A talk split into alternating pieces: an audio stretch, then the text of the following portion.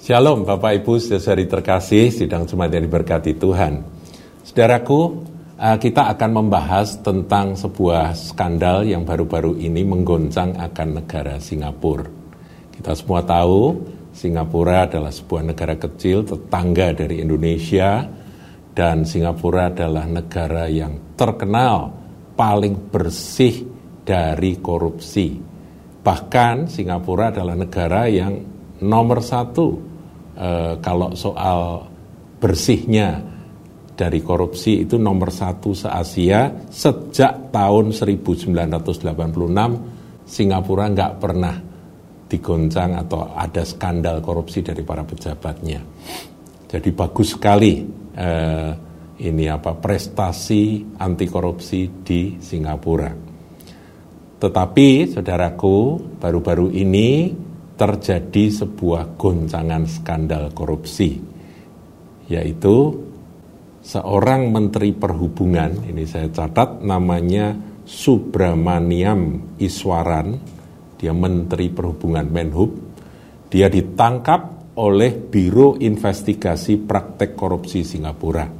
Kalau di sini mungkin KPK begitu ya, dia ditangkap karena dia terlibat kasus korupsi dan apa yang dia lakukan itu rupa-rupanya kong kali kong yang menyeret akan seorang miliarder, miliarder properti di Singapura yang bernama Ong Beng Seng. Korupsinya karena dia Menteri Perhubungan adalah tentang penyelenggaraan eh, balapan Formula One.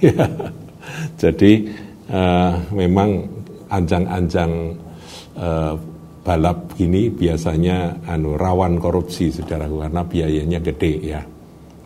Nah, mungkin saudara bertanya, apa gajinya menteri itu kurang gitu ya? Kok sampai tega-teganya mengkorupsi uang rakyat kan begitu uang negara.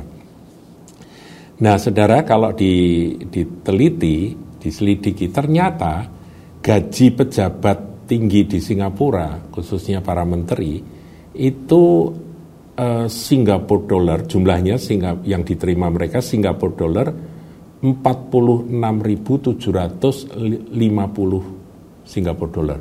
Jadi 46.750. Kalau di kurs rupiah, saudara, di kurs rupiah ya coba, ini jangan terkejut. Itu jumlahnya 520 juta rupiah per bulan. Itu adalah gaji yang diterima oleh Menteri Perhubungan yang bernama Subramaniam Iswaran itu. Juga menteri yang lain gajinya sekitar segitu, saudaraku. Lebih dari setengah miliar per bulan. Kan lebih dari cukup, saudaraku, untuk hidup-hidup yang mewah itu lebih dari cukup. Tetapi kenapa dia tega-teganya sampai melakukan korupsi dan merusak reputasi dari bangsa negaranya yang terkenal bersih dari korupsi. Karena pemerintah Singapura e, memberi gaji setinggi itu kepada para pejabat tingginya itu dengan harapan bahwa gaji tersebut akan membuat pejabat tidak akan melakukan korupsi, tidak tergoda untuk melakukan korupsi. Namun demikian, toh skandal korupsi itu terjadi. Ngeri ya, ini yang ketahuan saudaraku, yang tidak ketahuan ya kita semua nggak tahu ya. Nah kita coba teliti, ini sebetulnya penyebabnya apa? Kalau dikatakan kekurangan ya tidaklah lebih dari setengah M setiap bulan kok bisa-bisanya bilang, bilang kekurangan ya kan? Sebabnya hanya satu kata dalam Alkitab disebut keserakahan. Ya, keserakahan. Nah, kita lihat kolose dulu saudaraku ya. Ini ada banyak. Kalau saudara cari kata keserakahan itu ada banyak di perjanjian baru, tapi ini saya akan ambil dua ayat saja. Dari kolose 3 ayat yang kelima. Karena itu, matikanlah dalam dirimu segala sesuatu yang duniawi, yaitu percabulan, kenajisan, hawa nafsu, nafsu jahat, dan juga keserakahan. Nah, keserakahan garis bawahi.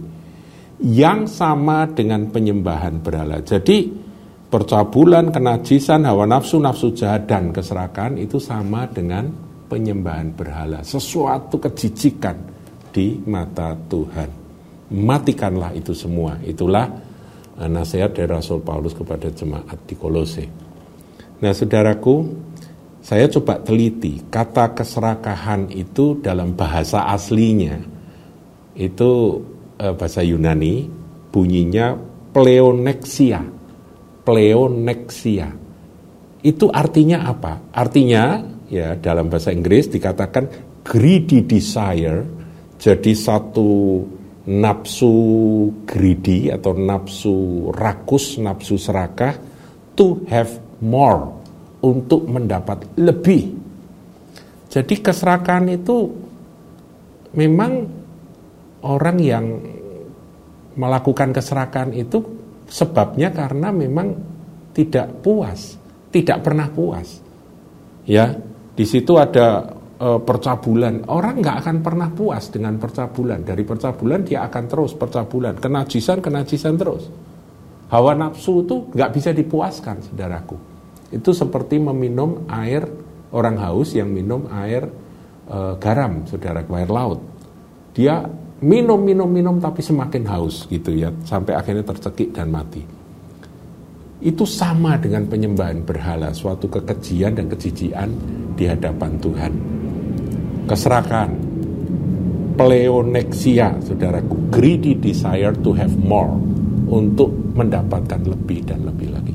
Itulah sebabnya Menteri Perhubungan Singapura yang tega-teganya korupsi dan merusak akan reputasi dari negaranya yang bersih korup sejak 1986 itu juga Ong Beng Seng seorang miliarder properti yang sudah sudah konglomerat saudaraku yang sudah uangnya itu sudah tak terhitung kok ya masih korup kenapa karena itu karena pleonexia.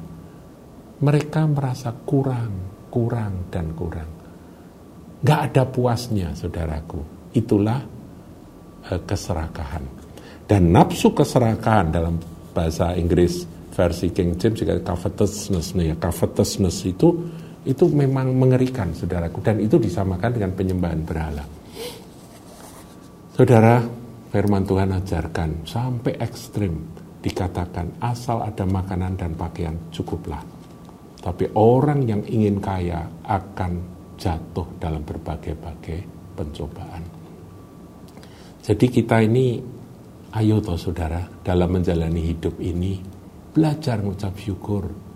Cari dahulu kerajaan Allah dan kebenarannya, maka Tuhan kalau waktunya tiba pasti akan menambahkan pada saudara apa yang saudara butuhkan, bahkan apa yang saudara inginkan. Tetapi jaga hati ini dari yang namanya pleonexia atau keserakahan tersebut. Ada satu ayat lagi yang saya ingin tampilkan, yaitu dalam 2 Petrus, saudara. Di sini Petrus agak jengkel ini waktu nulis ini ya. 2 Petrus 2 ayat 14. Dikatakan demikian, mata mereka penuh nafsu jinah jadi yang keserakan itu selalu dikaitkan dengan yang yang nafsu yang tidak pernah terpuaskan begitu ya.